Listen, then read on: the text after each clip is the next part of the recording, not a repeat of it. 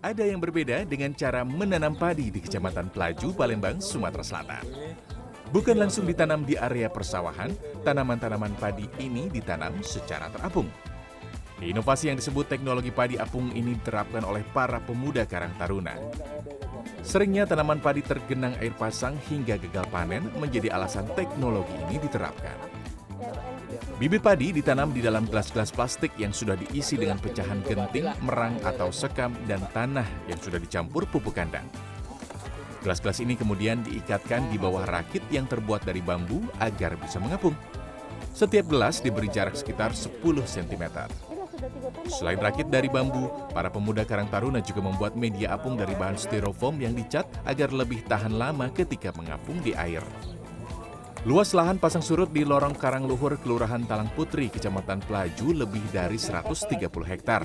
Dalam beberapa tahun terakhir, lahan warga lebih sering tergenang air. Di Cina itu ada program yang padi, padi apung. Dan kita coba. Karena peralatan tidak maksimal, akhirnya kita menggunakan bambu dulu. Ini bambu kita ngambil juga gratis.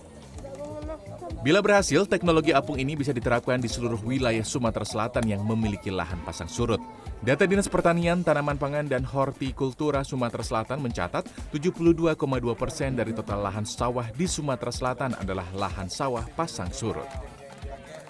Diterapkan di Kalau ini berhasil dan hasilnya sangat memuaskan, ini bisa saja nanti diduplikasi. Kita akan bicarakan dengan Kadis Pertanian, tentunya Kadis Pertanian akan uh, melapor ke Pak Gubernur bahwa ada ide kreatif dari Karang Taruna di Talang Putri, yaitu uh, inovasinya adalah padi apung. Diharapkan dengan teknologi ini, petani bisa panen tiga kali dalam setahun.